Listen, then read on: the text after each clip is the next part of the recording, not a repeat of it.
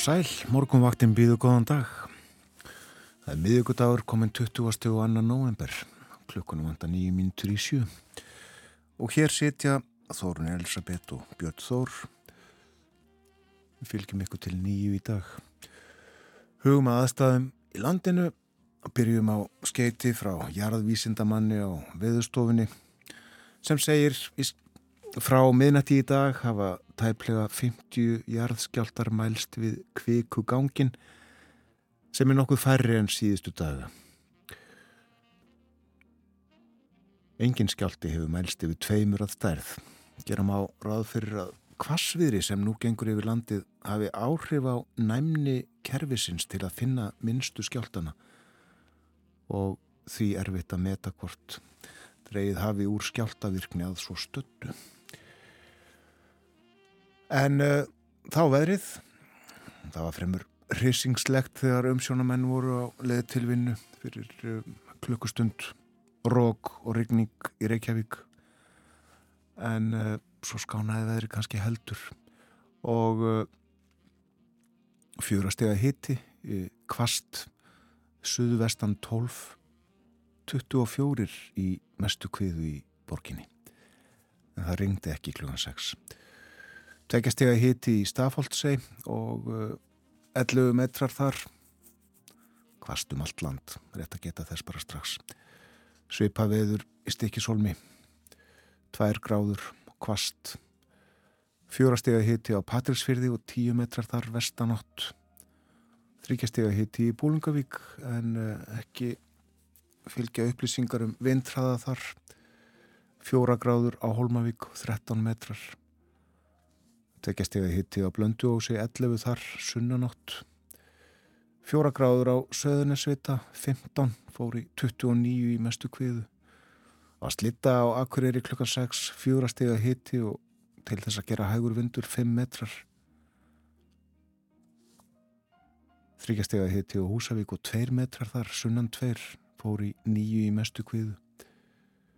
Fjóra gráður á Rauvarhöfn og vestan 12, Þryggjastega hitti á skjaltingstöðum, fjóra gráður á eilstöðum, kvast á báðum stöðum. Fimmstega hitti á höfni Hortnafyrði, suðvestan 15 þar. Þrjár gráður á kvískerjum, sjö metrar.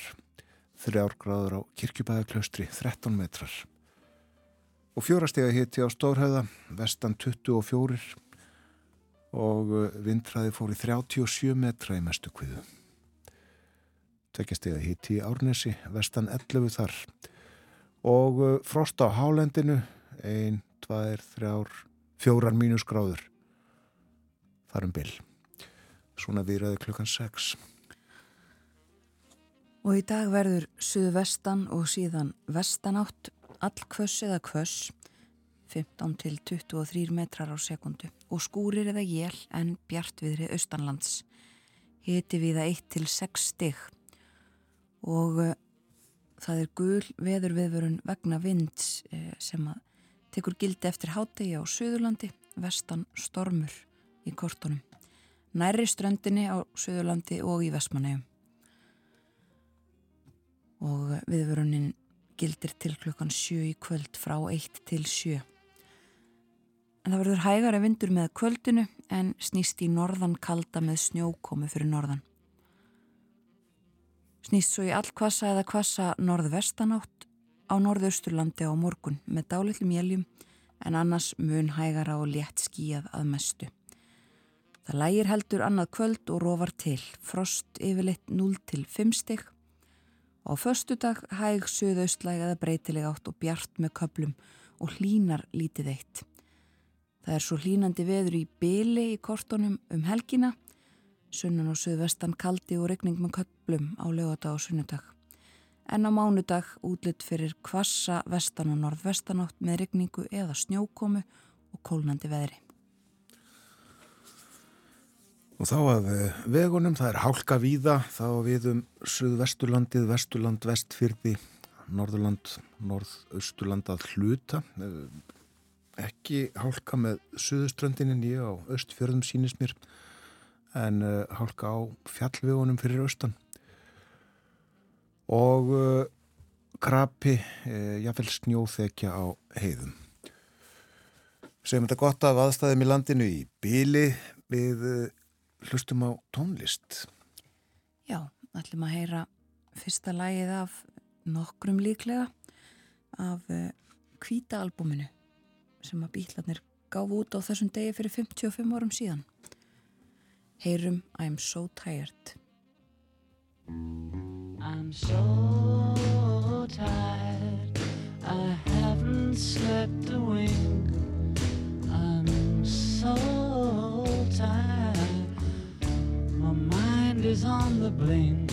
I wonder should I get up and fix myself a drink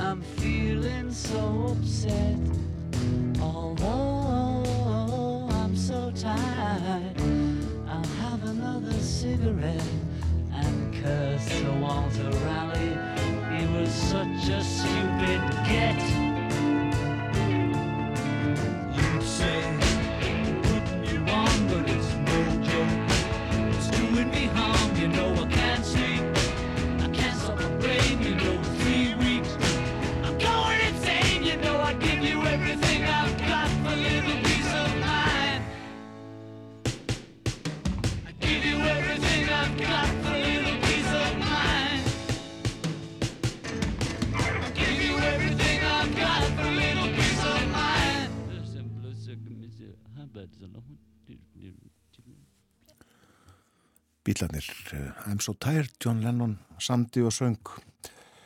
Eiginlega alveg búin á því. Og uh, þessi þreita hún uh, stafaði skilsmér fyrst og fremst af því að hann saknaði jókúsinnar. Meira af kvíta albúminu setna í þættinu við erum já, með áformu uppi um að leika kannski 2-3, jafnvel fjögur lög afinu við sjáum sjáum hvernig þessi vindur fram. En uh, eins og áður sagði 55 ár liðin í dag frá því að bílarnir sendu frá sér þessa plötu, þessa tvöföldu plötu. Uh, það var eina tvöföldaplata þeirra. Og uh, sömum þekir hún besta bílaplatan. Það líður að fréttum hjá okkur þær koma eftir halva mínútu þegar klukkan slær sjö og talandi um klukna slög, já, sjöslög áður en fréttastofan býðu góðan dag. Við fórum svo yfir dagskráð þáttarins morgumvaktarinnar hér eftir fréttinnar.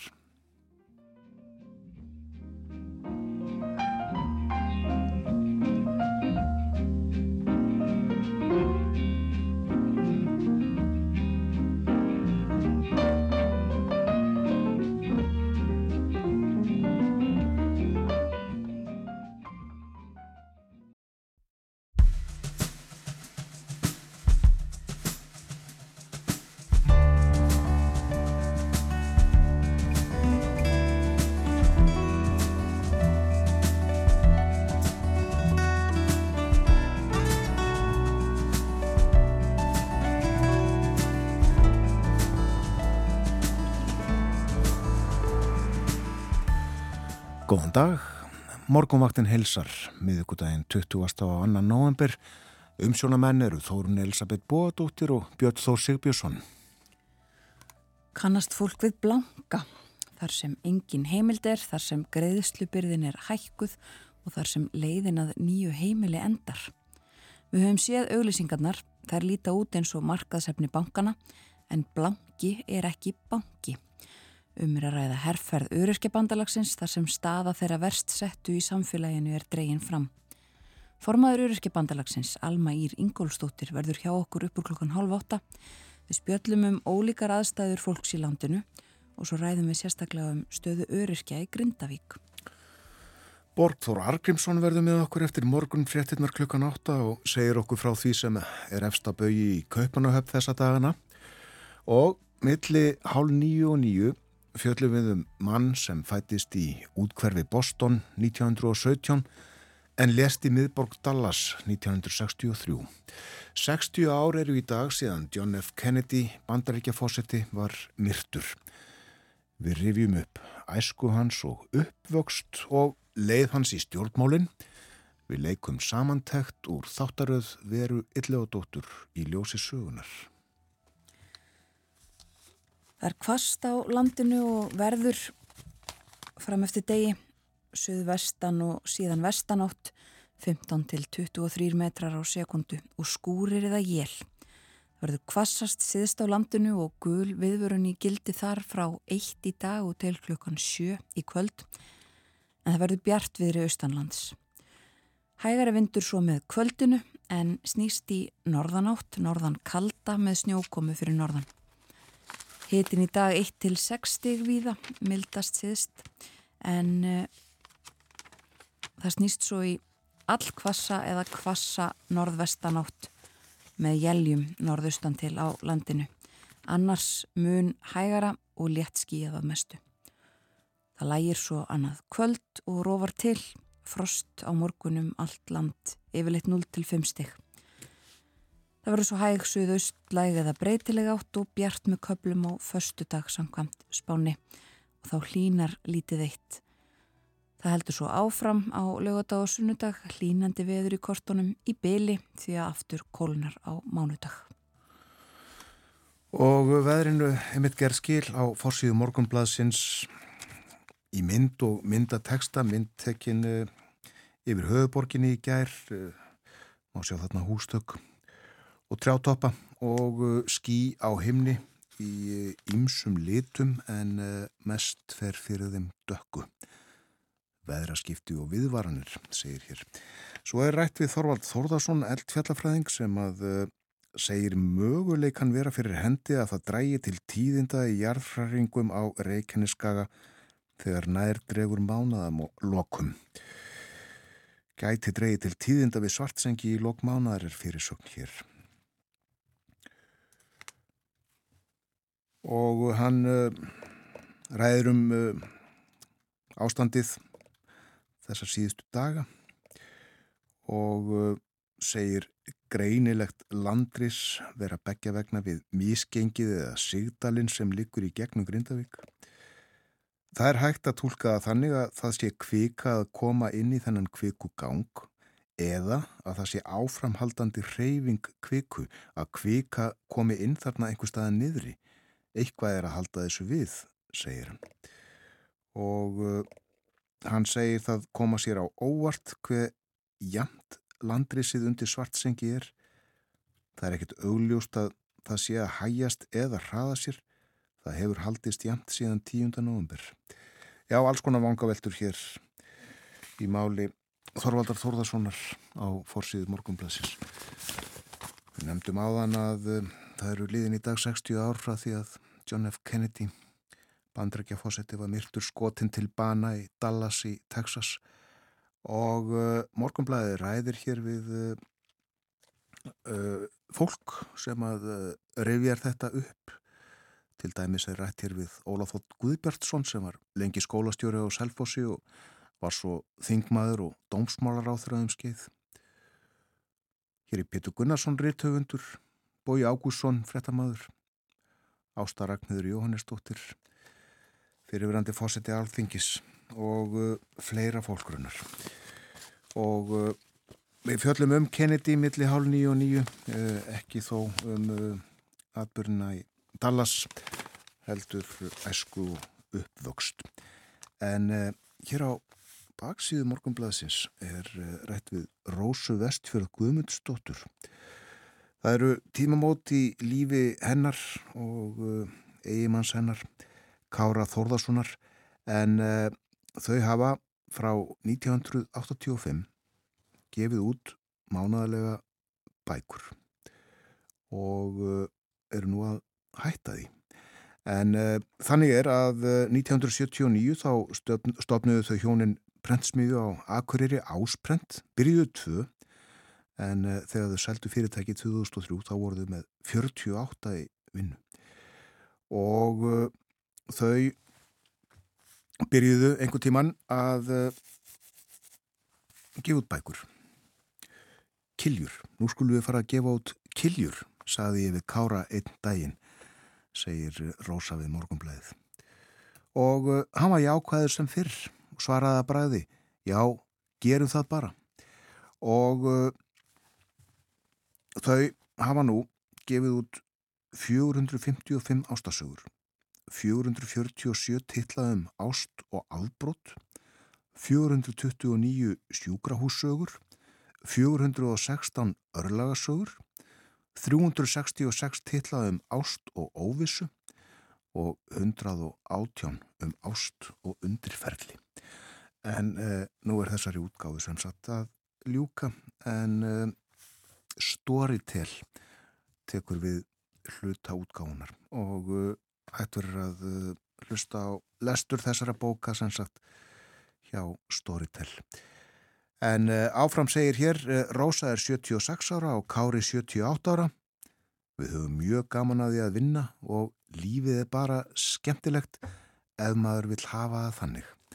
Þetta segir Rósa Vestjör Guðmundsdóttir við Morgonblæðið í dag. Margir munu eflaust sakna þessara bóka. Rauðaserjan. Förum þá aðeins út í heim og uh, skulum byrja á viðtali við uh, varnamálar á þeirra Svíþjóðar, Pól Jónsson. Hann uh, er í viðtali við Breskablaði Guardian um NATO aðild Svíja. Umsókn þeirra Allandshafsbandalæginu var uh, lögð inn á sama tíma og umsókn finna en Svíjar eru enn ekki komnir inn í varnabandalægið og uh, hann segir í þessu viðtali Svíjar verða að komast inn í NATO eins fljótt og hægtir til þess að uh, stemma stigu við rúsnesku ógninni eins og það er sagt í, fyr, í fyrirsögn. En uh, hann getur ekki gefið tímalínu fyrir þessu en uh, er sannfærður um að, að aðeldinni verði. Sannfærður um að Tyrkir og Ungverjar þessi tvö aðeldaríki sem að enn hafa ekki formlega samþygt aðeld Svíþjóðar muni gera það. Það þurfi að hafa hraðarhendur til þess að koma svíjum þarna inn. Það sé sterkur og mikill stuðningur á meðal eh, aðeldaríkja NATO og eh, beðið eftir því á að þessi tvö ríki klári endanlega þessi mál. Eh, Tyrkir hafa eða Erdogan fórseti hefur sendt málið til þingsins og ungverjar hafa áður sagt að þeir ætluðu ekki vera síðastir til þess að samþykja þetta en en hefur ekki orðið af því að þessi mál séu kláruð. Líka tala við hann um, uh, um uh, Finnland og uh, nýjar vendingar spennu á landamærum Finnlands og Rúslands þar sem að finnsk stjórnvöld hafa sakað stjórnvöld í Moskvu um að beina fólki yfir landamærin til Finnlands til þess eins að, að gera finnum lífi leitt. Þetta er uh, frá Svíþjóð.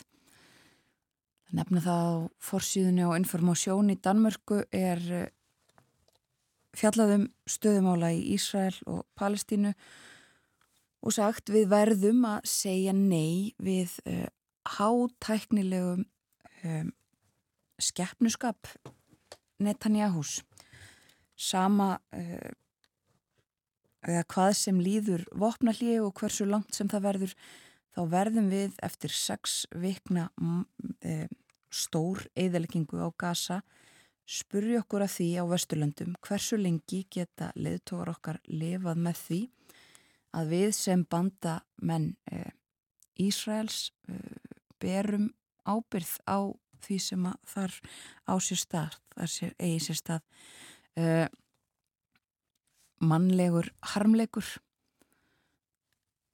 Þetta er eh, leiðarinn á informasjón sem fær mesta plássið á forsýðunni þar í dag.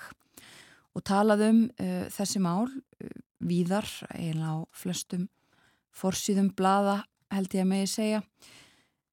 En uh, það var greint frá því í nótt að það væri komið samkominlag á milli Ísraels og Hamas um stuttvopnalli eftir margra vikna viðræður þar um og þetta samkómulag eins og við heyrðum í frettunum áðan felur í sér að fjóra hlið verður gert á árásum Ísraels og eh, bardögum á milli Ísraels og Hamas á Gaza líka í skiptum fyrir eh, það að Hamas sleppi úr haldi sínu 50 gíslum. Ísraelsmenn munu líka sleppa 150 palestinskum fengum úr haldi aðalega konum og börnum og eh, það hefur líka verið greint frá því að fyrir hverja tíu gísla til viðbútar sem að Hamas sleppi úr haldi sínu að þá verði vopnallið framlengt um einn dag. En e, þetta tekur ekki gildi strax í dag e, þá að gefa Ísraelskum dómurum kost á því að, meta e, það, mögulegar afleðingar þess að sleppa fólki úr haldi úr Ísraelskum fangelsum búist við því að uh, þetta geti hafist á 50. morgun í, í fyrramálið og uh, búið að greina frá því meðal annars að þessu þrýr bandaríkjaman á meðal þeirra sem að verði uh, sleft úr haldi Hamas þar á meðal stúlka þryggjára sem verður fjögur ára í þessari viku. Og ímislegt uh, fleira sem að uh, kemur fram í, í þessu. Það eru alls konar skilirði en uh, þetta er bara tímabundið en sagt frá því í svona greiningum erlendra fjölmjöla að það sé þó líklegt að Hamas muni uh, reyna að framlengja vopnallið með því að sleppa uh, gíslum hægt og rólega. Um, og uh, Hamas muni nota uh, þennan tíma líka til þess að uh, til þess að uh, koma saman á ný Benjamin Netanyahu fórsetisráþra Ísraels líka sagt það, uh, sagði það á ríkistofna fundi sem var líka sjómarpað og, og tekin upp að hann búist fastlega við því að árásunum sé ekki lokið. Við munum ekki hætta eftir þetta vopnalli markmið þeirra eins og gefið hefur verið út að útrýma Hamas af öðrum frettum sem að þessu tengjast þá uh, voru gerðar loftarásir á Líbanon, Ísraelsmenn gerðu það. Og uh, þær eruðu áttamanns að bana uh, þar á meðal uh, bladamönnum sem að voru uh, þarna á svæðinu, tveir bladamenn sem að unnu fyrir lípanska sjónvastöð og uh, nú hafa yfir 80 manns látist í árásum Ísraels í Líbanon síðan að uh, þetta hófst þann 8. Uh, oktober síðastliðin og uh, aðeins af fleiri fréttum, þessi mál eru uh, víða á bresku forsjónum, það er líka uh, mál fjögur að ungra pilda sem að leita hafa verið að í veils í nokkra daga þeir fundust látnir, hefðu farið í útilegu og uh, veld bíl sínum og uh, myndir af þeim víðast hvar á bresku forsjónum en það er líka fjallað um uh, skattalækkanir búistu því að uh, Jeremy Hunt fjármálur á þeirra kynni þær í dag bæði fyrir fyrirtæki og einstaklinga Og í dag eru líka kostningar í Hollandi. Við rættum þetta stuttlega við Björn Malmqvist, fréttamann okkar í Brussel á mánudaginn. Mikilvægar kostningar og uh, ekki gert ráð fyrir því að neitt flokkur fái meiri luta en það held ég hann hafi sagt að það væri búist við því að minnst okkursti áttaflokkar næðu inn mönnum á þinginu. En allavega ljóst að Mark Rúti fráfarandi fórsættisráð þeirra, uh, hann er ekki frambúði og hollendingar fá nýjan forsætisráð þeirra í fyrsta sinn í 13 ár. Við fylgjumst með þessu auðvita. Og uh, að lókum að nefna það að uh, hlustendur þekki kannski að minnst okkosti fyrirbærið chat GPT, uh, þetta gerfugreindar búnað og fyrirtækið sem að býr það til, OpenAI, hefur verið í uppnámi síðustu fimm daga eftir að forstjórin var rekin fyrir helgi. Um, það varð tilefni þess að næstum því allir starfsmenn hótuðu því að hætta uh, stuttu forstjóran og þetta hefur verið mikið uh, og erfitt mál en nú sem sagt var greint frá því rétt uh, í þessu að uh, hann sest aftur í forstjórastólin og þá ætti róa nást í þessu fyrirtæki. Sem var gott af erlendum frettum í byli og heyrum annar lag af kvíta albúmi Bítlana en við leikum nokkur lög af þeirri plötu í dag. Það eru 55 ár frá því að hún kom út. og nú skulum við heyra Blackbird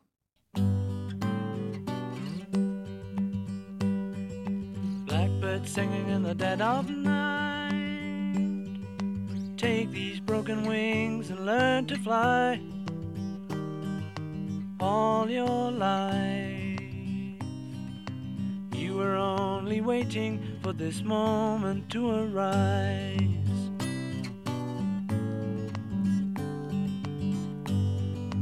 Blackbird singing in the dead of night.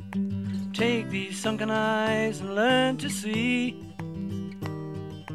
all your life.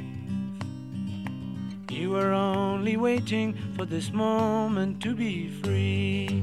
Blackbird fly. Blackbird fly a dark black night.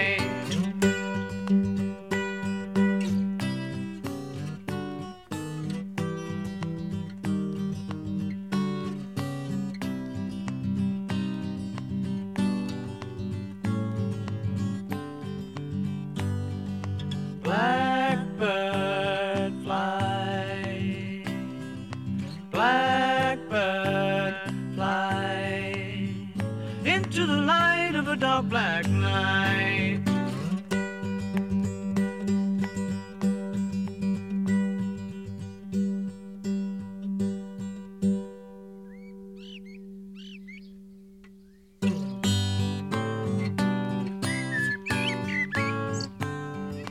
Blackbird singing in the dead of night.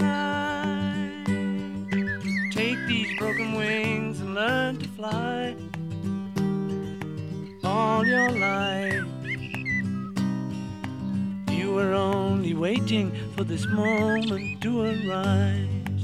You were only waiting for this moment to arise. You were only waiting for this moment to arise. Blackbird af kvíta uh, albúminu McCartney samdi og söng notalegt að heyra fugglasöngin þarna og uh, áfram höldu við uh, meiri bítla Half of what I say is meaningless. But I say it just to reach you, Julia.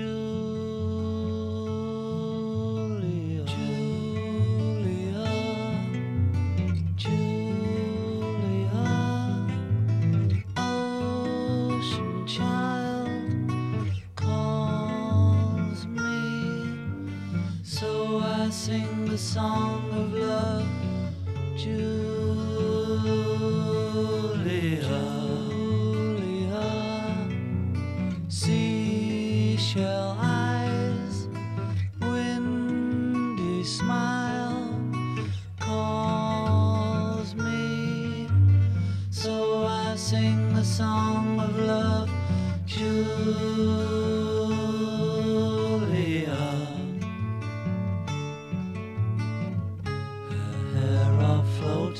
Sky is shimmering,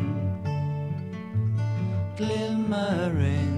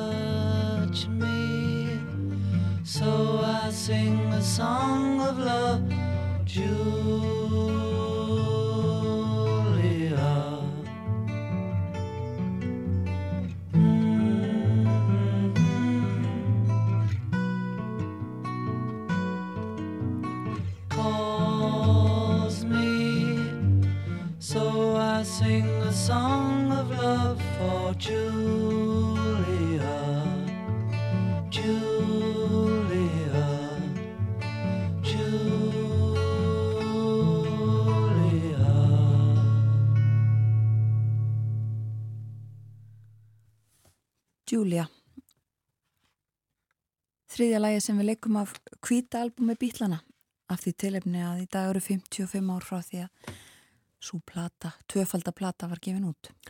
John Lennon söng þarna um mömmu sína.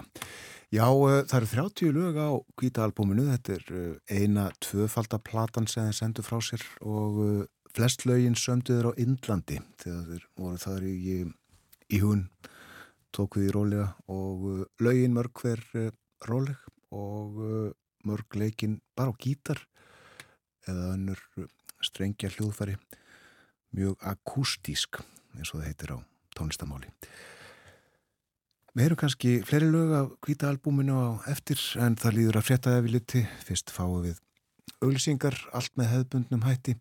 Og eftir frétta eða við litið þá verður hjá okkur Alma Ír Ingólstóttir, formaður Öryggibandalagsins.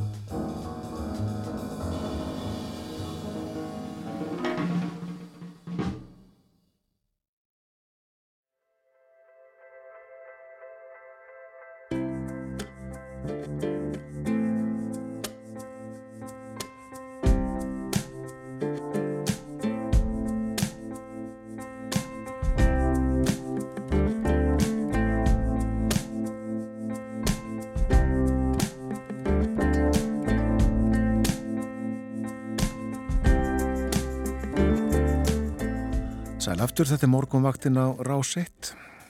Það er miðugudagur í dag komin 20. og 2. november klukka núna réttliðilega halv átta. Umsjónamenn þáttarins Þórun Eilsabeth Bóadóttir og Björn Þór Sigbjörnsson.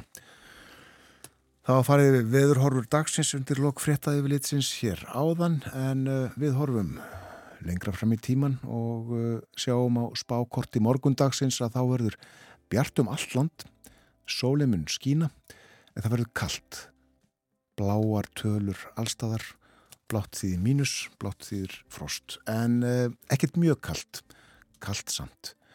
Og eh, áfram frost víðast hvar á förstu daginn, en svo hlínar aftur á lögadaginn og eh, búist svona svo dæmis er tekið við eh, tíu steg að hýta í Reykjavík setnipartin á lögadaginn og þá mun líka regna hressilega gangið þessi spá eftir. Ég minni á að eftir morgunfréttunar verður Borgþór Argrímsson með okkur. Hann ætlar að segja okkur frá því sem er efstabögi í Danmörku þessa dagana og við tölum um uh, politík og bjór, svo eitthvað sem nefnd. Og uh, milli hálf nýju og nýju þá fjöllum við um John F. Kennedy en í dag eru liðin 60 ár frá því að hann lést var skotin til bana í Dallas í Texas 20. á annan november 1963. Við ætlum ekki að fjalla um þann atburð heldur uh, æsku og uppvöxt Kendis og uh, leið hans í stjórnmálinn. Við uh, heyrum hluta, nokkra hluta úr þáttum sem Vera Eilóadóttir gerði um Kennedy og var í þáttaröðinni í ljósi sögunar. Þættir sem án gerði í marsmániði líklega uh, 2017 þegar öld var liðin frá fæðingu hans en meira en þetta á eftir. Hlustendur hafa kannski rekist á auglýsingar undanfarið sem að auglýsa blanka, ekki banka og mögulega velti fyrir sér hvað er þarna á ferðinni. Þetta er ný herrferð ururkjabandalagsins til þess að vekja aðtiklega á stöðu þeirra verst settu í samfélaginu og til okkar er komin Alma Ír Ingólfsdóttir, formaður Öryrkjabandalagsins. Velkomin. Takk fyrir. Segð okkur fyrst bara kannski frá þessari herrferð.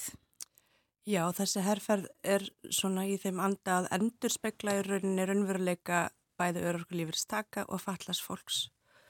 Hvernig hann er í dag og þetta átt að vera svona, svona eh, var rauninni svona svolítið skop á hvernig í rauninni bankarnir hafa verið að auglýsa ekki þetta þess að hallendilega á það endilega heldur bara þess að endurspegla svona er ekki veruleikin allstaðar.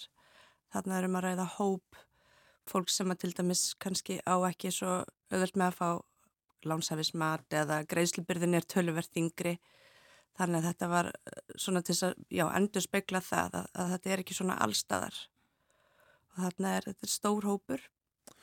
Hversu stór myndur þú alltaf?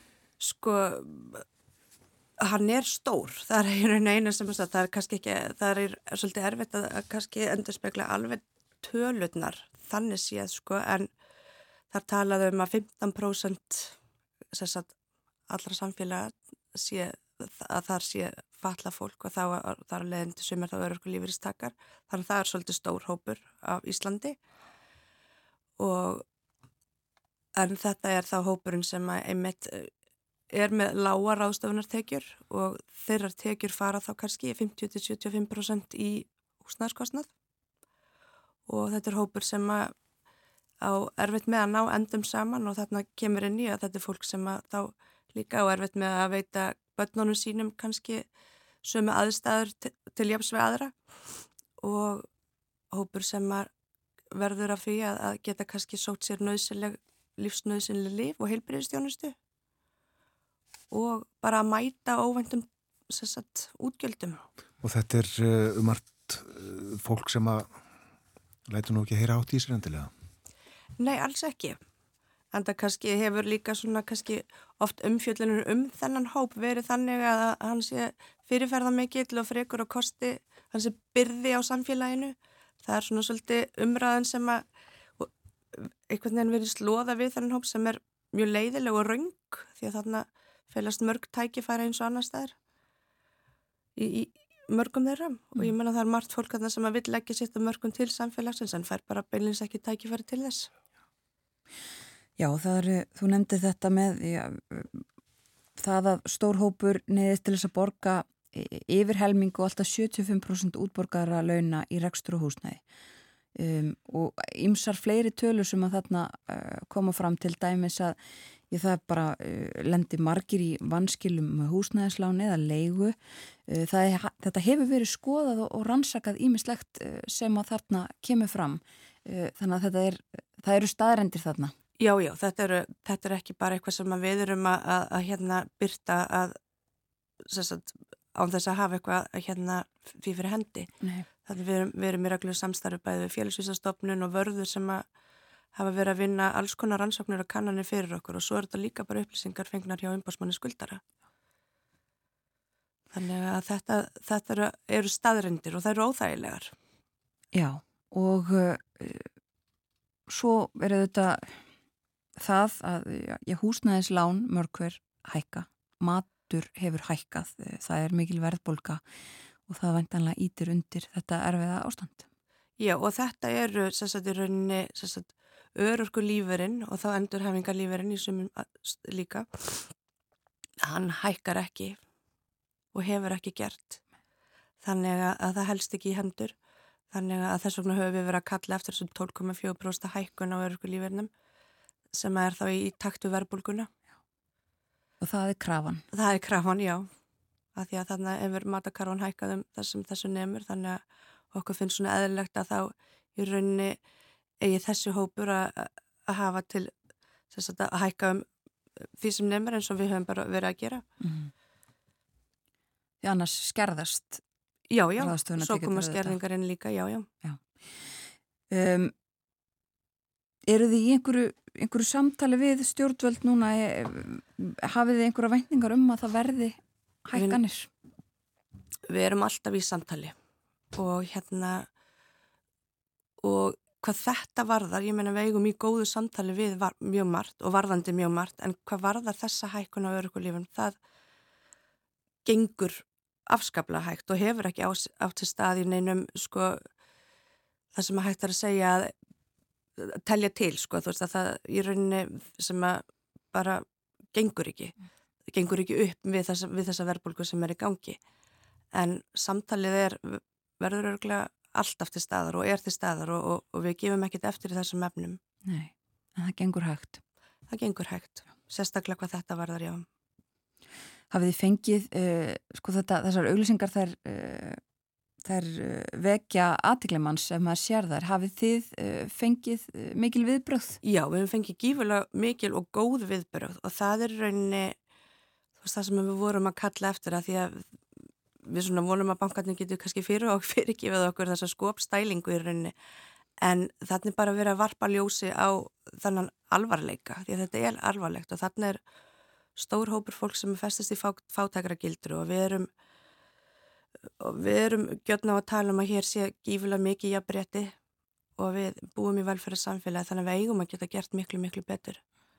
Við, og við viljum komast út úr þessari gilduru sem að fólk er sett í þannig að já, viðbjörn hafa verið gífilega góð Og þú nefnir um þetta og vonar að bankarnir fyrirgefi ykkur þetta hafa einhver viðbröð komið frá bankunum? Nei, í rauninni ekki heldur voru kannski fyrstur sinn þegar að var ekki ljóst hver færi, væri á bakvið þessa herrferð, þá voru auglýsingar teknar úr, úr umferð en ekkert, nei, alls ekkert alvarlegt. Nei.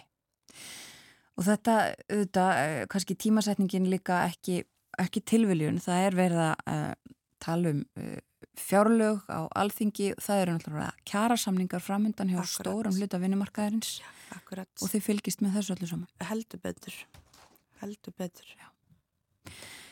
Sko, þið eru það, þessi krafa er 12,5 4% eh, hækkun á öruskulíferi um, er ykkur í fleiri svona stóri punktar sem við getum nefnt sem að uh, öruskibandalagið uh, heldur á lofti Já, við höfum náttúrulega talað fyrir því líka hækkun á þessu frítekimarki Já.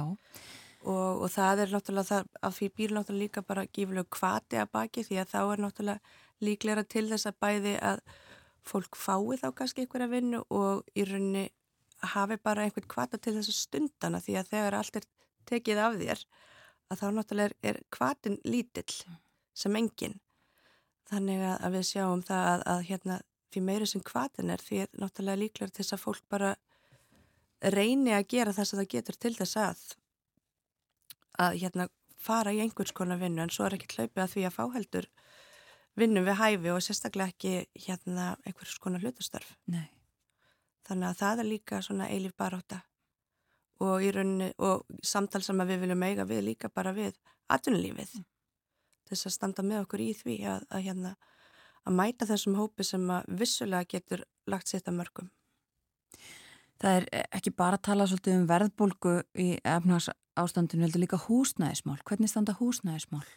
Þau eru bara ekki góð og ef við tökum, höldum áfram að tala um þennan hóp mm. þá er þetta náttúrulega stór hópur fólks sem er á leikumarkaði þá annarkvort í gegnum leigufélagi og almennu leikumarkaði og við vitum að það er bara ekkert, það gengur ekki upp ef að þú ert með örkulíferi að þá gengur það ekki upp að vera á almennu leikumarkaði það segir sér sjálft og ég, ég sá í fréttum í gæra að það voru um sko 300 fjölskyldur eða 300 manns sem að sóttu sagt, matar í útlutun hjá fjölskylduhjálp. Það er 300 heimili.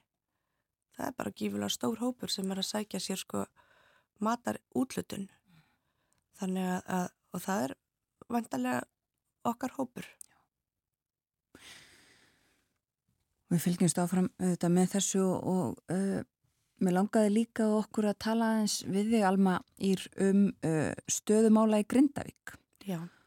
Uh, þar eru auðvitað falla fólk og fólk sem að fær örurku líferi rétt eins og allstaðar annar staðar á landinu. Já. Hafið þið fengið einhverja fregnir af fólki í ykkar hópi í Grindavík? Nei, ekki beint en, en við vitum að, að þarna er náttúrulega fólk sem hefur þess að eru þjónust, njóta einhvers konar þjónustu af, af höndi hérna sveitafélagsins en, en við höfum ekki neinar upplýsingar beint um það hverjar aðstæðunar eru en vonum náttúrulega að, að allt gangi vel og þarna kannski smæðin svona svolítið þeim til haps í þessum efnum en svona trúum því að þarna sé það, allt gert þess að mæta þörfum þessa hóps. Já.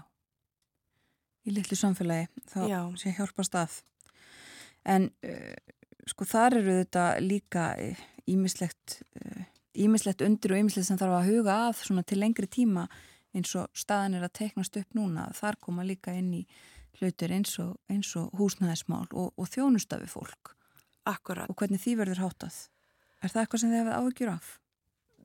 Við hefum náttúrulega velt þessu upp en kannski ekki áhyggjur í þeim skilningi að því að nú er þetta náttúrulega bara allt ennþá svo alvarlegu stigi að það kannski er fólk einhvern veginn bara að reyna að ná áttum en, en ég svona gefur mér það að það verði sagt, vel hugsað um þennan hóp mm. en auðvitað er margt þarna sem að þarfa að, hérna, að ræða og, og velta upp og til dæmis bara aðgengilegar íbúður sem að kannski fólk hefur verið í og, og þarf að komast í og einmitt bara nöðsynlega þjónusta fyrir þá sem að þurfa en ég trúi því að við munum nú eiga öruglega gott bara samtal við til dæmis bara við allar er, hérna, bjóðum fram alla aðstóð sem að við getum veikt í þessum efnum og ráðgjöf þannig að, að ég er svona vona að það fara nú allt vel Já, hefur verið rætt eitthvað eða hafið þið átt í einhverju samtali?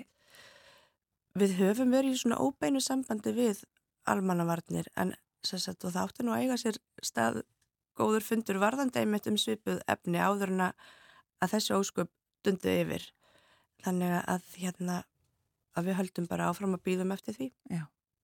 Er passað vel upp á að, að allir hópar uh, séu tekni með inn í rekningin þegar að verið þeirra áforma eða svo skipulegja svona laga? Sko ég, það hefur bæst og það hefur breyst og, og það er eiga bara að hérna er í rauninni að þakka hagsmunum samtökum fallasfólks bæði okkar og annara. Við komum ekki eina því en þegar það hafa verið svona, þegar almannavarnir hafa þurft að grýpa inn í þá hefur þetta verið hópur sem að kannski hefur óvart glimst eins og svo ofta áður. Mér langar að síðustu að, að ræða við þig um uh, samningssaminuðu þjóðunum réttindi fallasfólks. Forverið þinn kom nokkur snum hingað til okkar á morgunváttina og, og þessi mál hafa verið rætt um, og nú, já, hafið þið vonum að, að það drægi til tíðinda það er allavega er komið fram frumvarp og það er komið í þinglega meðferð eh, sem að kveður á um lögfestingu þessa samnings. Og það hafi verið bartumál örkibandalagsins og annara lengi. Já, við ætlum nú að, ég ætlum nú að reyna að vera jákvæg í, í þessu, þessum efnum og trúa því að, að, hérna, að hann verðis hérna, lögfestur á þessu kjörtjambili en þetta kjörtjambili náttúrulega stittist og, og við í, í rauninni munum ekki gefa eftir heldur þar og þetta er, okkar, eitt okkar helsta baróttum mála, það er að þessi hérna, tiltegni samningur hann verði lögfestur og, og þar með verði ákveðinu réttar óvissu eitt og, og réttar öryggi skapast Þannig að, að ég svona vil trúa því að, að það eigi, að það fari í gegn. Ég menn nú líku líka fyrir frumvarpum óháða og sjálfstæða mannreitndarstofnun sem að stjórnult hafa lengi talað um að sé fórsönda fyrir því að, lög, að samningun hafi ekki verið lögfestur. Þannig að nú ætti ekki að vera því til fyrirstöðu og, og við höldum þar ótröð áfram að minna á að hérna stjórnum turfi að hérna standa við lofur sín. Já og þetta myndi, eins og þú segir, þetta myndi eigða réttar óvissu og eh, bæta eða hvað, hvað, hvað hefur þetta för með sér? Jújú, jú, þetta eigður náttúrulega ákveðinu réttar óvissu og, og skapar þar að leiðandi auki réttar öryggi en kannski lögfestingin sem slík er ekkit að fara að bjarga neinu þannig séð. En að hann sé samt lögfestur er gífulega stórt réttinda mál og fyrir þennan hóp. Og tala nú ekki um að, að þarna er þá náttúrulega það hafa, er þetta orðið náttúrulega landslögum. Og þarna eru bara verið að íta undir réttindi fallast fólk sem að hafa svo lengi vel ekki verið virt. Takk fyrir að koma til okkar á morgumvaktina og ræða við okkur um ímismál. Alma Ír Ingólstóttir, formaður Ururkibandalagsins. Takk kærlega.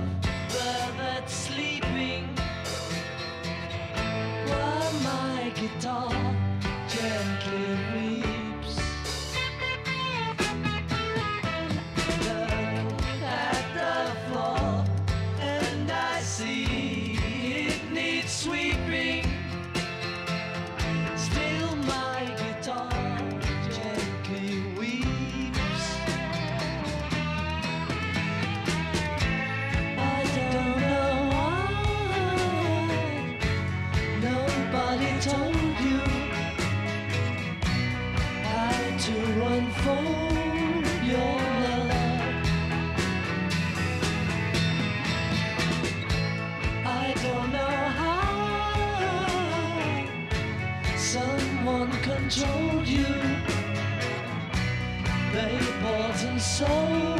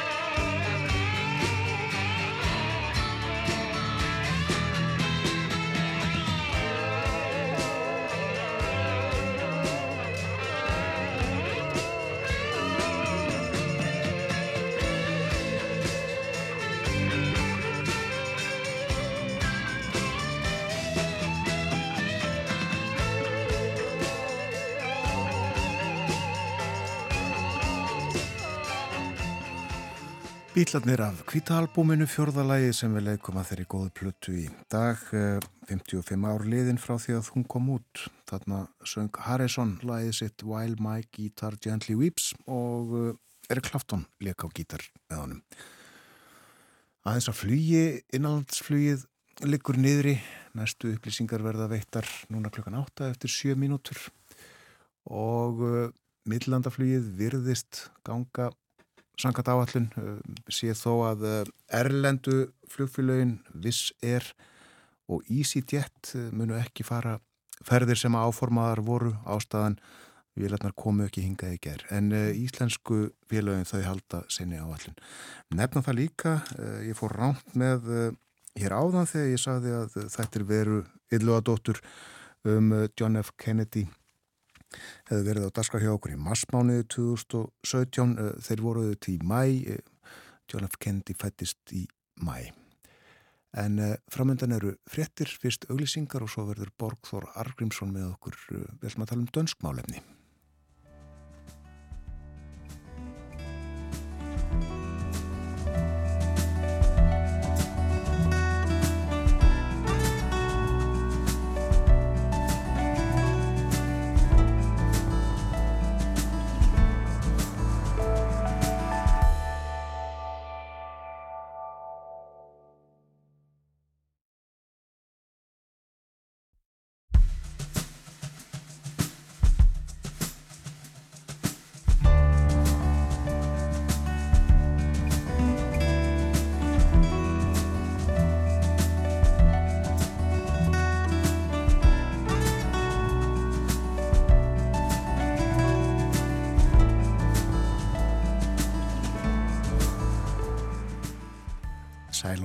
Og góðan dag því sem voruð að vakna eða kveikja á viðtækjunum. Þetta er morgunvaktin á ráseitt, klukkan farin að ganga nýju. Það er miðugudagur í dag, 20. og annar november. Framöndan uh, spjall um það sem er efstabau í Danmörku þessa dagana og uh, svo verður fjallað um John F. Kennedy í síðasta hluta þáttarins millir hálf nýju og nýju. Það er í dag 60 ár frá því að uh, John F. Kennedy var skotin til bana í Dallas í Texas. Og hingaði komin eins og ofta áður Borgþór Artgrímsson og dönsk málefni á dagskráni eins og framkom. Góðan dag Borgþór. Góðan dag. Það er alltaf eitthvað um að vera í Danmörku. Eh, Hvar ætlum við að hefja leika? Það er nú kannski rétt að nefna fyrst að Tróels Lund Pólsen, varnamálar á þeirra, hann var einróma kjörin formaði venstre á ástingi flokksins núna um helgina. Hann var nú einn í kjöri og það var bara, bara klappað fyrir honum? Já, við höfum oft uh, talað um venstri hér uh, á morgunvaktinni. Það hefur gengið upp og ofan hjá flokknum lengi. Já, aðalega ofan. Mikið lólka verið í kringu flokkina alveg síðan Lars Lökke Rasmussen hætti sem formaður flokksins skömmu eftir kostningarnar 2019. Síðar sagði svo Inge Stauberg sig úr flokknum, stopnaði eigin flokk, Damarsdemokraterni og Lars Lökke stofnaði líka flokk móti ratenni og það hefur einhvern veginn eh, allt gengið á afturfótonum hjá venstri. Jakob Ellemann Jensen sem tók við formenskunni af Lökke, hann náði einhvern veginn aldrei að slá í gegn eða sem má segja. Hann fór í sex mánuða veikindarlefi í byrjum februar á þess ári. Kom tilbaka 1. ágúst en hætti svo á þingi og sem formaði venstri Venstri tapaði mjög miklu í kostningunum síðast og uh, það kom örgum óvart uh, þegar þið fóru svo í stjórnasamstarf með Metti Freiriksen þvert á marg endutekningar yfirlýsingar Jakobs Ellemann eins og við höfum nú minnst áreindar hér og uh, en svo sagði hann eitthvað sem svo að persóna sín væri fann að flækjast fyrir floknum og þess vegna væri rétt að hann stýði til hliðar. Mm. Og hann gerði það, já, einhvern tíman í haust já. og uh, já, nýr formaður tekin við og hans býða líklega mörg og erfið verkefni. Já, það held ég sé alveg út að segja. Eh, Tróðslund Pólsen, hann er 47 ára, hann var fyrst eh, kjörn á Þing 2001, hann hefur lengi verið mjög áhrifamikill í floknum og gengt ráð þeirra ennbættum en verið lítið fyrir það að vera í, í fremstu výlínu ef að, svo má segja. Hann varð efnahagsmálar á þeirra í stjórn Metti Freyrisinn og hljópi skarði sem varnamálar á þeirra þegar að Jakob Ellemann fór í veikindaleif og gegni nú því ennbætti. Mm. Það var fyrst og fremst verk Tróilsson Pólsen að venstri fór í stjórnarsamstarfi með sosialdemokrautum. Fundurinn þar sem var stjórnarsamstarfi var eiginlega ákveðið, það fór fram í hlöðu hjá Tróilsson Pólsen í, í Tollösu, það er fyrir vestan Róaskeldu, daldi fyrir vestan Kaupanöf og þegar að Tróðurs Lund var búin að sína viðstöldum traktorána sína sem eru nokkrir þá mm, sem voru geimtir hérna í hlöðinni og þeir eru drukkið úr kannski einni eða tveimur kollum þá voru stjórnarlínutna legðar. Traktorum? Já. Sapnar hann traktorum? Ég veit ekki hvort hann tellist ákafu sapnari en, en hann á allavega nokkrast líka og kallaður uh, traktor tróels svona oft í gamni sérstaklega dálæti á tegundunni John Deere sem eru grænir og litin bandarískir. Og það vakti nú aðtikli og segi kannski svolítið um hvað hann hefur verið lítið svona í sviðsljósunu sem persóna að á flokkstinginu um síðustu helgi þar byrtist fimm ára náta sem komi ljósaði dóttir Tróis Lund og eiginkonunar Anni Simónsen. Margir vissum um eiginkonuna en nánast engir utan svona al-insta ring að, að þau ættu þess að dóttur. Heldur, heldur enga lefinu greinilega svona utan sviðslöfsins? Já, stóra verkefni hans er náttúrulega að auka fylgi flokksins og, og, og skapa róum starfi eins og sagt er hvort það tekst, það náttúrulega er ókomið í ljós. Enga líf annars þingmas var hins vegar í fjölmjölum núna á dögunum sáir í Moderaterni hjá eh, Lars Lökke.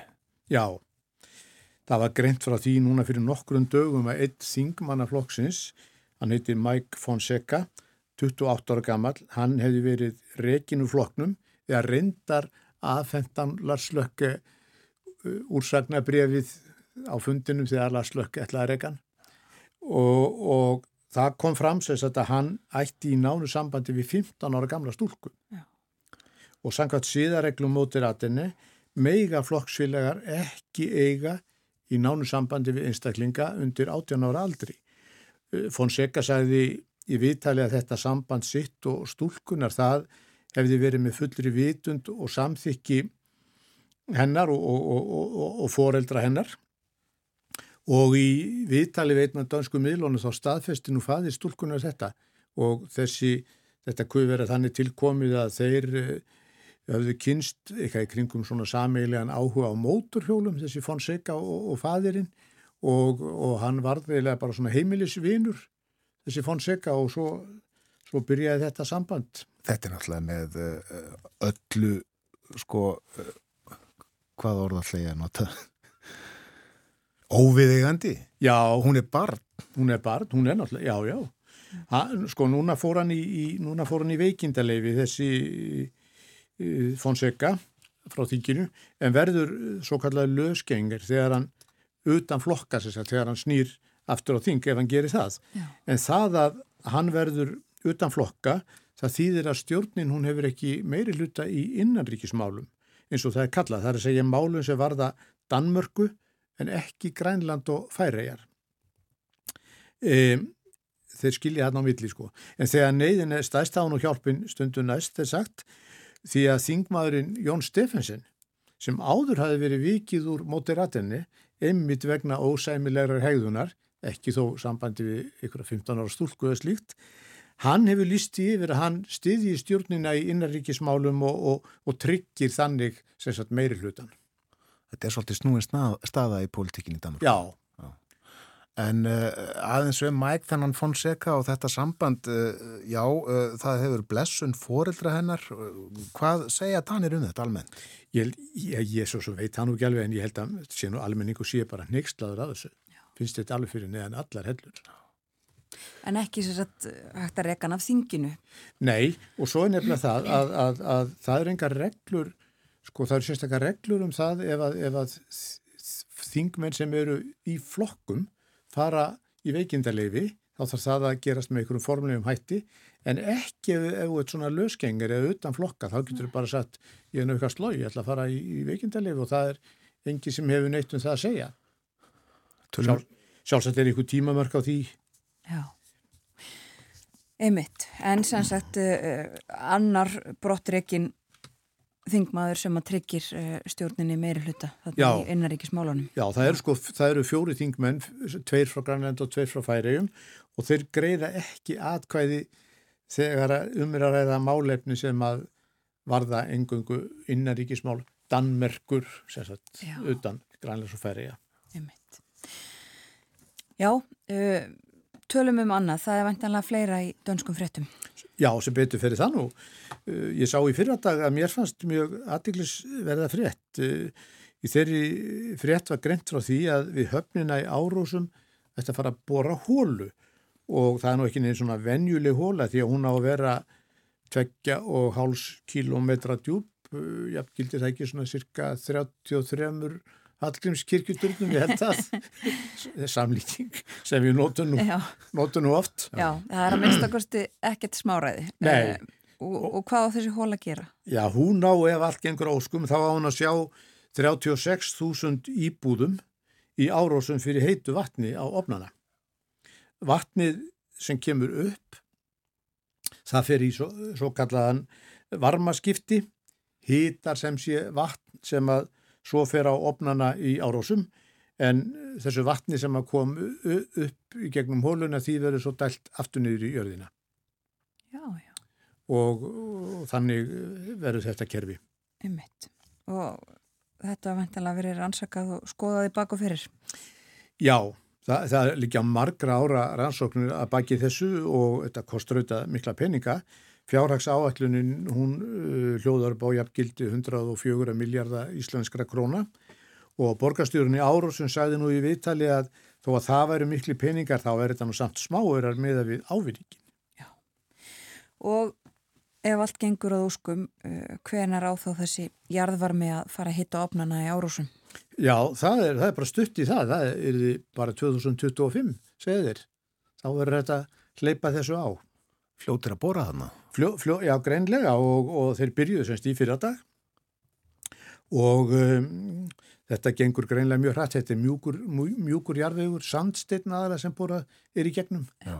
Tveir og hálfu kílómetri. Þórun, manstu hvað borhólur á Íslandi eru almennt djúpar?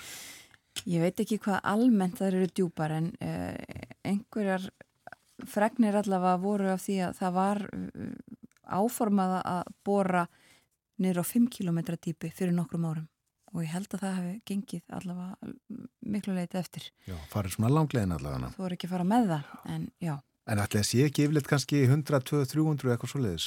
Ég Þetta þekki ég ekki. Nú rist allir höfuði Já. í hljóðstofunni. En það stendur til að bóra, bóra víðar þarna á Jólandi, segir þeir. já, Fylgjast með þessu. Tölum um uh, annað, uh, það að jólum, já líður að aðvendu skulum við segja. Já. By- Byrjum á því. Já, En uh, jólabjórin er komin, uh, auðvitað í Danmörku og uh, víðar til dæmis á Íslandi og það er alltaf stór stund. já, sko, jóðdagurinn, eins og Dani kallaða, það er fyrsti föstudagur í november og þann dag klukkan 20.59 þegar klukkan vantar eina mínúti nýjum kvöldið þá má byrja að selja túborg jólaölið, júlebrugg. Þetta var einstaklega vel hefna sölutrykk held ég hjá túborg þegar þeim tóst að koma þessum síð á og voru pínlítið að herma eftir hann að búsu lei síðnum Emitt. en ég held að sé nú mínúti í miðnætti á einhverjum tilteknum degi sem að má byrja að, að, að smakka á því en e, flöskur og, og dósir með þessu jólaöli sem að mjög margir náttúrulega þekkja líka hérna hafa til þess að veri kyrfilega merta túborg júlebrugg en það þarf alltaf einhvern veginn að reyna að auglýsa. Og núna gerist það að búálvatnir sem sjást á miðanum á flöskunum og dósunum í Danmarku þeir höfðu gert sér lítið fyrir og fjarlægt í jótstafin þannig að nú heitir þetta úlebrugg ekki júlebrugg, Og eftir, þess, eftir þessu er þetta tekið. já, já, já, já, Það eru klókir í, í markarsfræðinni í Danmarku hjá já. Túborg og en þetta er Karlsberg. ekki svona hérna. Ég fór sérstaka ferð, rannsókna ferð í ríkið í gær til að kíkja eftir þessu. Já. og þar er þetta, þetta með, heitir þetta bara júlebrugg Það er jóðið á sínum stað. já, já, jóða á sínu stað. Já, Borg þurfa að koma að danska læginu. já uh, danska lægi það hefur nú einhvern tíma áður heyrst í þessum þætti. Heitir Dansevíse og lagið var framlag Dana í Eurovision söngvakeppninni árið 1963 og bar þar sigur úr bítum og flytjatunni voru Grete og Jörgen Ingman og lagið er eitt allra vinsælasta dægulag allra tíma í Danmarku og í april á næsta ári verður frumsýtur nýr söngleikur í glassalinn í Tífóli sem er byggður á æfi Greti Ingman sem að lest árið 1990 aðeins 52 ára aldri. Þau voru þá löngu skílinn hún og Jörgen Ingman voru hjón þegar að læfa hljóðritað en hann lest núna fyrir nokkrum árum og fyrir gítar áhuga sama þá má nú geta þess að í læginu sem við heyrum þar leikur Jörgen Ingman á Les Paul gítar bandarískan. Einmitt það. Takk fyrir spjallið í dag við ljúkum þessu á Dansevísi. Takk sem leiðis.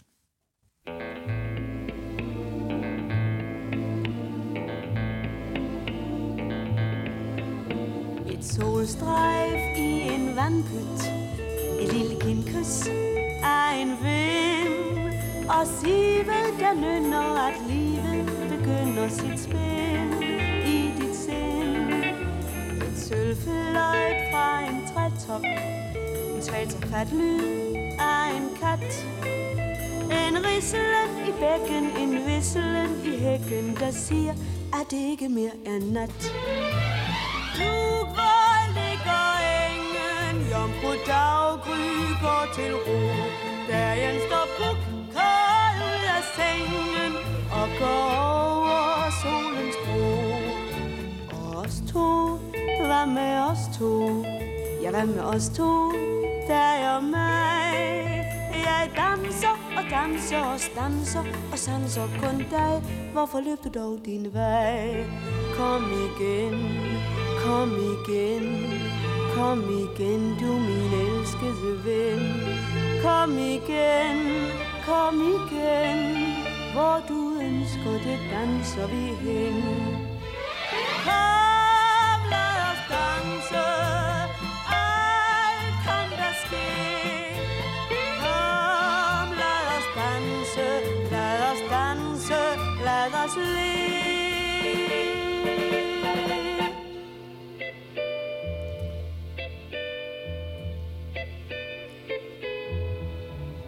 Sølvfløjt fra en trætop. Et svæteflat lyd af en kat. En risselen i bækken En visselen i hækken Der siger, at det ikke mere er nat? Du går, ligger engen Jomfru daggry går til ro.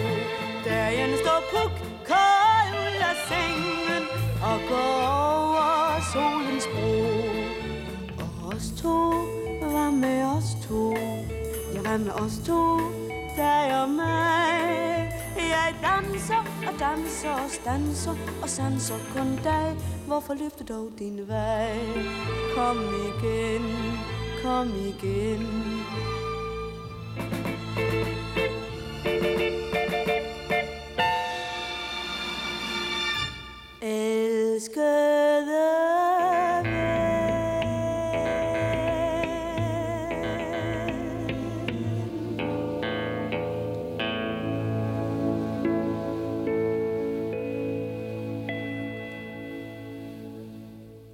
Danska lag dagsins, Danse Vísi, Greta og Jörgen Ingman fluttu Greta söng, Jörgen lék á gítarinn Sigurlægið í söngakeppni Eróskra sjónvastöðva 1963 fyrir 60 árum.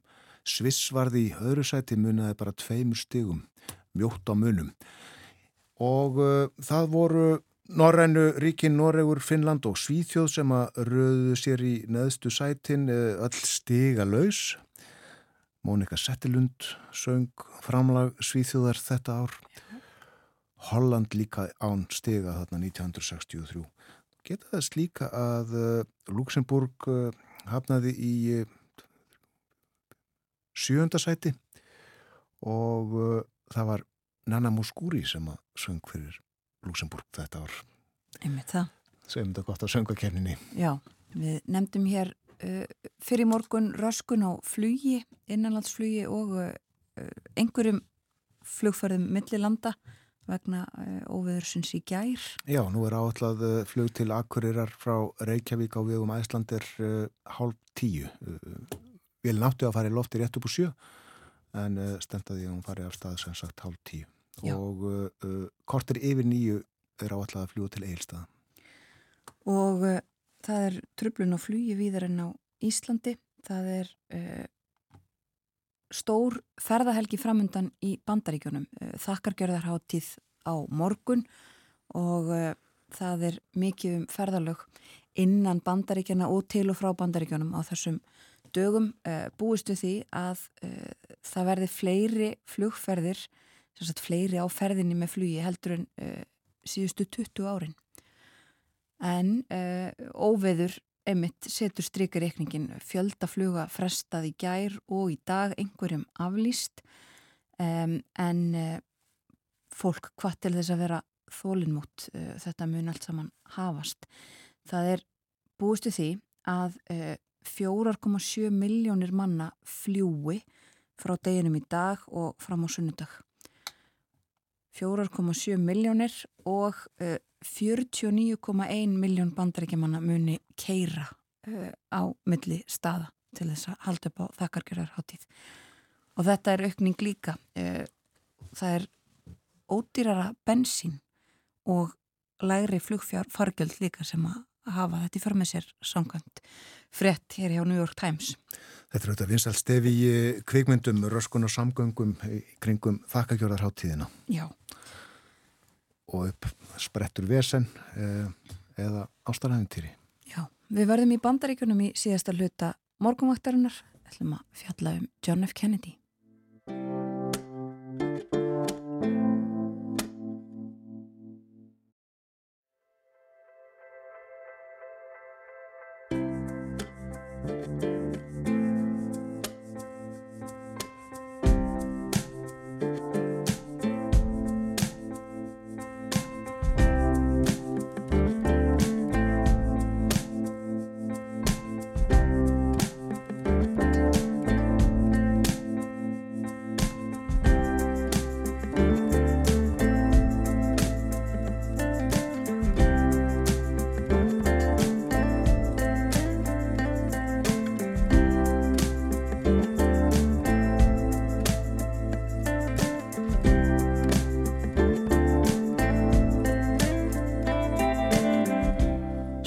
Þetta er morgunvaktin á rás 1, klukkan er núna rétt liðlega hálf nýju. Það er miðugudagur í dag komin 20. og annar november.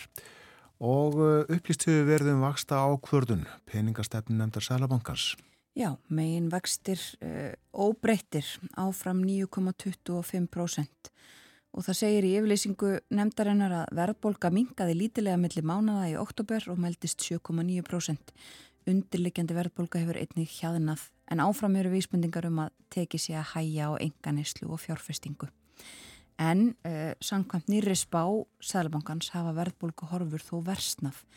Spennan í þjóðabúinu hefur reynst meiri en áður var talið og gengi krónunar hefur lækkað. Verðbólku væntingar hafa jafnframt haldist háar og kostnadarhækkanir verðast hafa meiri og langvinnari áhrif á verðbólku en áður.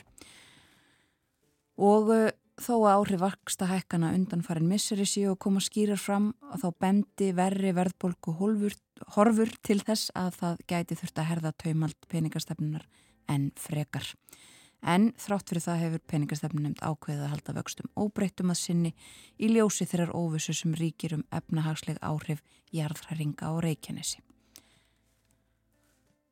Þetta segir í yfirlýsingu peningastefnun nefndar Sælabanka Íslands frá því fyrir, já, þremur mínútum síðan. Og við snúum okkur að öðru. 60 ár eru í dag síðan John F. Kennedy, fórseti bandarækjana, var myrtur. Hann var skotin til bana í heimsókn í Dallas í Texas. Við ætlum ekki að staldra frekar við þann sorgar atburð heldur gera svolítið grein fyrir æsku Kennedys uppvexti og uh, leið hans í stjórnmólinn. Við hlustum á nokkur brot saman tekinn úr tveimur þáttum veru yllegadóttur í ljósi sögunar um John F. Kennedy. Hún mann þessa þætti í mæ 2017 þegar öld var liðin frá fæðingu Johns. Þegar John Fitzgerald Little sem í æsku var ætið kallaður Jack fættist árið 1917 var fadir hans Joseph Patrick Kennedy ekki orðin þrítur en þó orðin einn af auðugustu mönnum Bostonborgar ef ekki bandaríkjana. Hann hafði útskrifast úr hagfræðinámi í Harvard 1912 fór út í viðskipti og var fljótt farin að græða á tá og fingri með hlutabrefa og fastegna viðskiptum og hverskins fjármála braski, stundum með því að nýta sér innherja upplýsingar, en það var ekki búið að setja reglur gegn slíku á þessum tíma í bandarísku fjármálálífi. Í gegnum umsvið Josephs Kennedy varð Kennedy-nafnið enn þekktara, næstum þó ekki alveg, á við eftirnöfn eins og Carnegie, Rockefeller, Roosevelt og Adams, nöfn valdamestu og auðugustu fjölskyldna bandaríkjana um þessar myndir. Auðsöfnun Kennedys helt áfram á fyrstu árum Jacks litla sem ólst því upp við mikla velsælt og forréttindi í stóru húsi í fínu hverfi Boston og glæsilegu sumarhísi á Cape Cod á sumrin. Þjónustu fólk og barnapýjur snerust í kringumann eins og aðra í fjölskyldunni og fjölskyldan varð fljótt mjög stór Þau Joseph og Rose Kennedy eignuðust alls nýju börn. Það var þó eldri bróðurinn sem hafði mest áhrif á æsku Jacks litla, Joseph Patrick Yngri eða Joe sem var tveipur árum eldri. Það var hann sem átti að verða fórseti sangkvæmt spátdómi móður af hans og hann var stærri en Jack, sterkari en Jack, betri námsmaður en Jack, betri fótbolta en Jack og svo framvegis. Þeir bræðurnir slóust og keftu stöðugt á æsku árum sínum en Jack sá heldur ekki sólina fyrir eldri bróðurnum. Það segi kannski sitt um þá velmegun sem Kennedy fjölskyldan bjó við á þessum tíma að Jack litli Kennedy varð lítið sem ekkert var við kreppuna miklu. Árið 1930 var Jack 13 ára í kathólskum heimavistaskóla. Þar var hann miðlungsnámsmaður en komið með áhuga á fréttum og þjóðmálum, nokkuð sem gætt verið erfitt að fylgjast með í lokuðum heimi heimavistaskólans. Hann skrifaði eldribróður sínum til að mynda. Getur þú sendt mér tímaritið Literary Digest því ég vissi ekki af hlutabrifarhrunninu fyrir löngu síðar eða dagblað. Getur þú líka sendt mér golfkúlur? Síðar á lífsliðinni saði Kennedy þegar bladamadur indi hann um reynslu sína af kreppunni miklu. Ég hef enga reynslu af kreppunni frá fyrstu hendi. Fjölskyldan mín átti eina af heimsins mestu auðafum og þá voru við ríkari en nokkru sinni fyrr. Við áttum starri hús, vorum með fleiri þjóna og ferðuðumst meira. Það eina sem ég varð varfið var að fadur minn réð nokkra auka gardirkjumenn bara til að gefa þeim eitthvað að gera svo þeir getur komist af. Ég vissi varla af kreppunni fyrir en ég lasum hana í Harvard. Annað sem einkendi æsku Jacks Kennedys voru stöðug veikindi og lasleiki. Allt frá því að hann var smábatn og langt fram á unglingsár þjáðist Kennedy af hverjum sjúkdómnum á fætur öðrum. Hann fekk skarlatsótt, hlaupabólu, erðnasíkingar, botlangabólgur og fleiri dölarfullar síkingar og verki sem læknar hans áttu erfitt með að greina og meðhandla.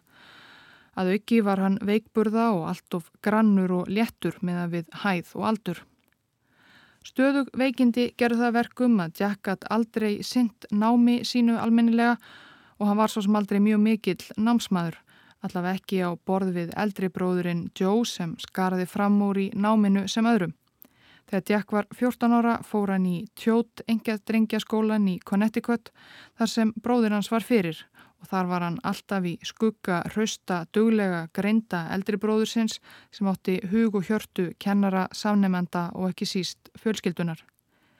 Sýrlagi hjælt fadir þeirra, Joseph Kennedy eldri, meira upp á elsta afreiksónin en þann veiklulega næstelsta og það fór ekki fram hjá Jack. Það var öllum Kennedy börnunum ljóst að í þessari fjölskyldu væri ekki í bóði að vera miðlungs og ekki næst bestur heldur bestur. Kennedy börnin áttu að skara fram úr á öllum sviðum og þegar Jack gerði það ekki varð fadir hans óonæður. Í november 1933, þegar Jack var 16 ára, skrifaði fadir hans skólastjóranum í tjót engaskólanum. Ég get ekki lísti hversu vansætli ég varð að sjá og ræða við Jack. Hann virðist skorta alla ábyrðakent. Þetta léttlindi hans og kæruleysi veit ekki á gott fyrir framtíðar þróun hans. Kanski höfum við fjölskyldana átt mestan þátt í að spillunum, með því að láta þjóna fylgjónum til að ganga úr skugga um að hann gerði það sem hann átt að gera.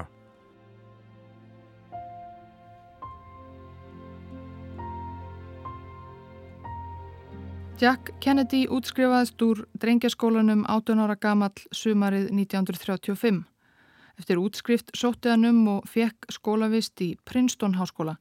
Þrátt fyrir að vera bara með miðlungsengunir úr tjót, hann var 60. og fjörði af 110 nefendum í útskriftar árganginum sínum, alls ekki bestur sem sé, þá hefði hann á nefa geta komist inn í hvaða fína bandaríska háskóla sem var út á Kennedy-nafnið auð, áhrif og tengsl fjölskyldunar. Það vakti aðtikli innan fjölskyldunar að Jack skildi velja Princeton. Þetta þótti nokkuð merkileg tilraun Jacks til að standa á eigin fótum og færa sig loks úr skugga eldri bróðursins því Joe bróðir hafi vitaskuld farið í Harvard rétt eins og fadir þeirra bræðra, elsta og allra fínasta háskóla bandaríkjana. En skólavist Jacks í Princeton var stutt. Hann var enn heilsuleus og þurfti frá að hverfa og dvelja vikum saman á sjúkrabeði árin 1935 og 36 vegna Ímisa Kvilla. Sökum heilsuleysisins var það neitnig að binda skjótan enda á námsferð til Lunduna þar sem hann ætlaði að nema við London School of Economics, nákvæmlega það sem Joe Bróðir hafi gert á undanhónum. Eftir allar þessar raunir ákvað Kennedy á endanum svo að feta í fótspor föður síns og eldri bróður og já, fara bara í Harvard eftir allt saman. Í Harvard var Jack áfram bara miðlungsnámsmaður og miðlungsýðrótamaður. Hann var of grannur til að koma stað í ameríska fóboltanum og kæfti þessi stað í sundi. Hann naut sín þó af öllu að dæma í skólanum og gatt sér fljótt orð sem bæði partiljón og kvennabósi.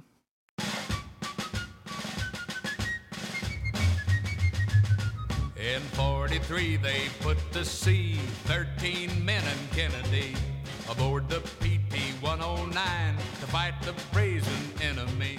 Bandaríski country-söngvarinn Jimmy Dean syngur hér smellin PT-109 frá 1962.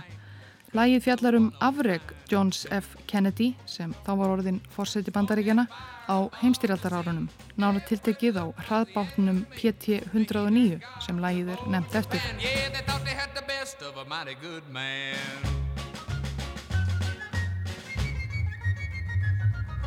Eftir útskrift úr Harvard 1940 vildi Kennedy ganga í herin. Hann reyndi að koma stað í herfóringjaskóla bandaríska landhersins en aftur voru það heilsuvandamálinn sem hömluðu honum.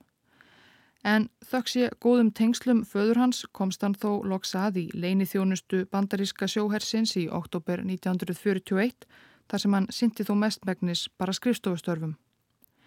Eftir árás Japana á Pearl Harbor í desember sama ár vildi Kennedy komast í alvöru aksjón og reyri að því öllum árum og enn og eftir með hjálp föður síns tókst honum að lokum að komast að sem skipstjóri á 50 tonna hraðbát Patrol Torpedo PT-109 á Solomon eigum í Kirrahafi austur af Nýju Gínu með 12 manna áhöfn undir sinni stjórn.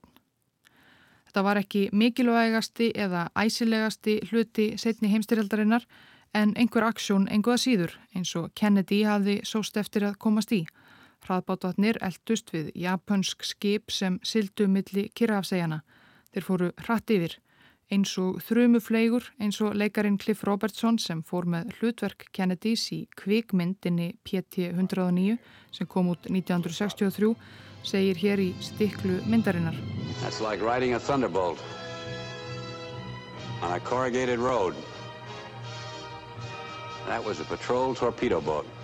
Nafn bátsins hans Kennedys PT-109 hefur lifað ekki aðeins í lægi Jimmy Deans sem við heyrðum hér áðan, þetta er einnig í kvikmyndum og bókum vegna björgunar afreiks skipstjórans á Kirrahafi.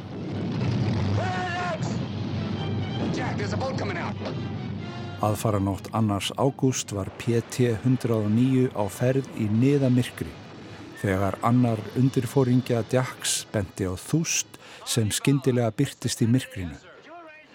Fáinum andartökum síðar sáu þeir að þústinn var japanskur tundurspillir. Svo hljóðar æsileg frásögn tímaritsins Fálkans af PT-109 frá 1964. Hún er gott dæmi um þann hetjuljóma sem sagan var sveipuð í þegar Kennedy var löngu orðin heimsfrægur. Það skipti engum tógum að stálstefni tundurspillisins skall á stjórnbórslið hraðbátsins og klauvan í tvent. Einn skipverjana kramtist til bana í áreikstrinum en annar fórst. Eftir áreiksturinn flöyt stafnin og á honum var Djakk við þriðja mann. Djakk stakk sér til sunds til að leita að hinn.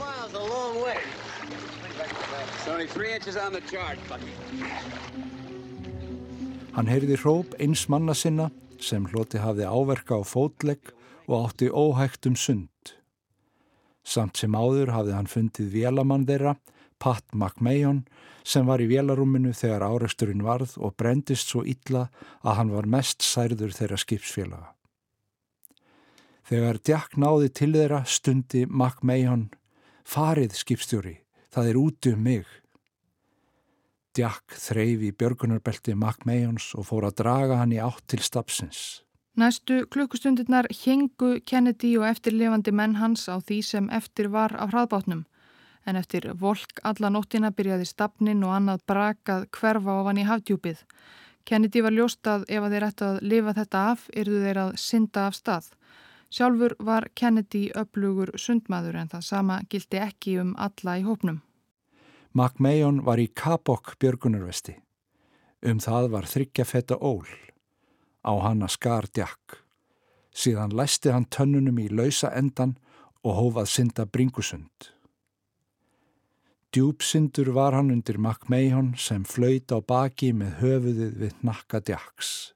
Svo syndu mennirnir í fjóra tíma þar til þeir náðu landi á lítilli óbyggðri eigu, plómubúðingseigu. Þeir þurftu að hafa varan á sér því Japanar gáttu leinst hvar sem var. Djakk átti erfitt með að komast lengra upp í fjöruborðið. Hann hafði sopið sjófið það að synda með ólina millir tannana. Hann seldi upp þegar hann ætlaði að rýsa á fætur, uns hann nýja örmagna niður. Stuttu eftir að skipsfélagar þeirra höfðu stíð á land og gengið upp af ströndinni inn í skugga trjána, heyrðu þeir til japansks herbáts sem framhjá fór. Þar skall hurnar í hælum. Ef þeir hefðu verið fáinum mínútum setni, hefðu þeir komið í fang Japanum. Síðar endur tók Kennedy leikin og eftirlifandi skipsverjarnir syndu yfir til annarar stærri eigu. Ekki minna afreg. Þar rákust þeir á innfætta eigaskeggja sem fluttu svo neyðarskilabóð frá skipbrótsmönnunum í kókosnætuskél til næstu bandarísku hermana. Þannig var mönnum Kennedys loks bjargað. Af 13 mönnum um borði í PT-109 þegar báturinn sökk komust 11 lífsaf, ekki síst sökum snarræðis skipstjórans. The PT-109 was gone, but Kennedy and his crew Eftir að hann hafi náð sér af öllum sárum og rakningum á herspítala var stríðun lokið. Joseph Kennedy rettaði þá starfi fyrir svonsinn gegnum vinsinn bladakonungin mikla William Randolph Hearst. John F. Kennedy, 28 ára og nýjútskrifaður af spítala, var þá snarlega munstraður upp sem sérstakur frettaritari bladaveldis Hearst í Evrópu. Berlin, capital without a country. Sumarið 1945 ferðaðist John F. Kennedy um Evrópu sem var þá nýlega laus úr viðjum heimstyrjaldarinnar. Hann fylgdist með ferðum Winston Churchill sem Breitland í aðdraganda bresku þingkostningana 1945, fór á ráðstefnu leðtóa bandamanna í Potsdam og virti fyrir sér gífurlega eðilegginguna í Berlín og fleiri þýskum borgum.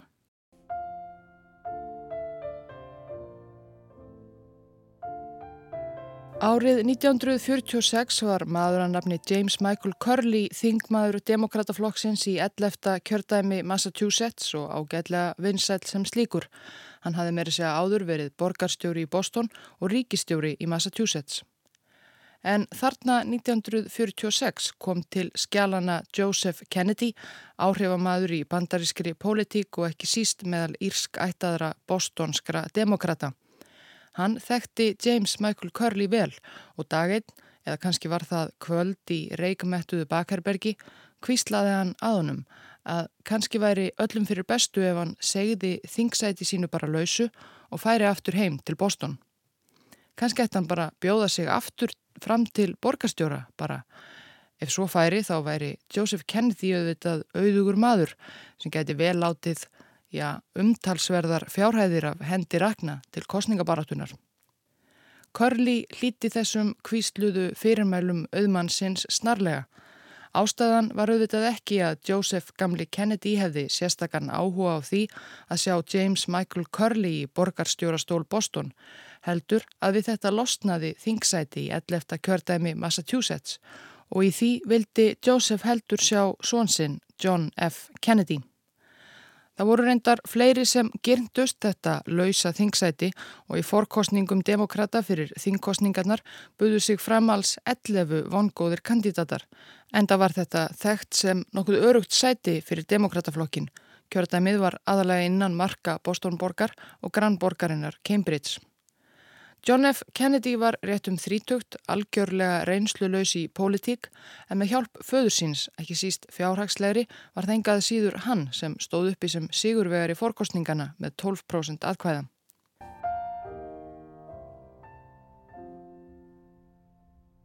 Pólitískur ferill Johns Fitzgeralds var hafinn. Mart bendir til þess að John hafi sjálfur lengi verið óvissum að hann væri á réttri braut Allavega var þetta tæpast brautinn sem hann sjálfur hefði valið, hefði fadir hans ekki einmitt verið Joseph Kennedy og hefði hann ekki mist eldri bróður sinn í heimstyrjöldinni.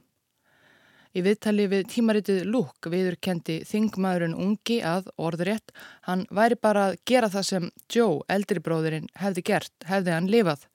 Síðar saði hann í öðru viðtali að ef bróður hans hefði ekki látist, hefði hann öllum líkindum farið í lögfræðinám, frekar en politík og að þér framkemur í æfisögu John F. Kennedys eftir bandaríska sagfræðingin Robert Dalek An Unfinished Life eða Óklárað líf þá viðurkendi hann í einrúmi við vini sína á þessum tíma að hann hefði engan áhuga á að fara út í pólitíkirun og veru.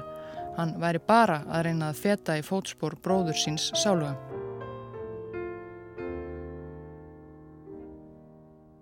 Kostningabaráttan var John F. Kennedy heldur ekki auðveld. Hann var ekki pólitíkus í eðli sínu og líkt sumum ættmennum sínum eins og móður afanum sem hann var skýrður í höfuðið á, John Fitzgerald, borgarstjóra í Boston, sem var kallaður Honey Fitz vegna þess hver elskulegur hann þótti í viðmóti við kjósendur. Dóttursónurinn var ekki svo leiðis.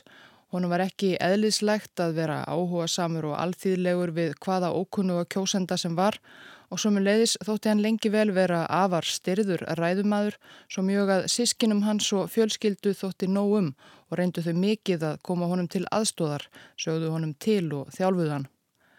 John Fitzgerald lagði sig þó fram við kostningabaratuna. Hann ferðaðist um kjördæmið þvers og kruss, fór í versmiðjur, hafnir, verslanir, rakkarastofur, veitingastadi og krár og bankaði upp á heima hjá húsmæðurum. Allt þetta gerði hann þó hann væri oftar en ekki ítla haldin af þeim mörgu kvillum sem höfðu háðunum frá því í barnesku, kvalin af bak- og magaverkjum og haldrandi. Og diggur stuðningur föður hans var honum ekki alltaf til góðs. Það vakti auðvitað aðtegli að þarna var komin fram ungur maður alls óreindur í pólitík með gríðarleg fjárráð. Hann var þá ekki eins og búsettur í kjördæminu heldur í New York en var fyrir kostningarnar skráður til heimilis á hótelin okkur í Boston og fadir hans, sá sem sáum allt fyrir drengin, bjó í Flórida. Dáblaðeitt hendi gaman að þessum. Þingsæti til sölu. Engrar reynslu krafist. Umsækjandi verður að vera búsettur í New York eða Flórida. Aðeins miljónamæringar koma til greina.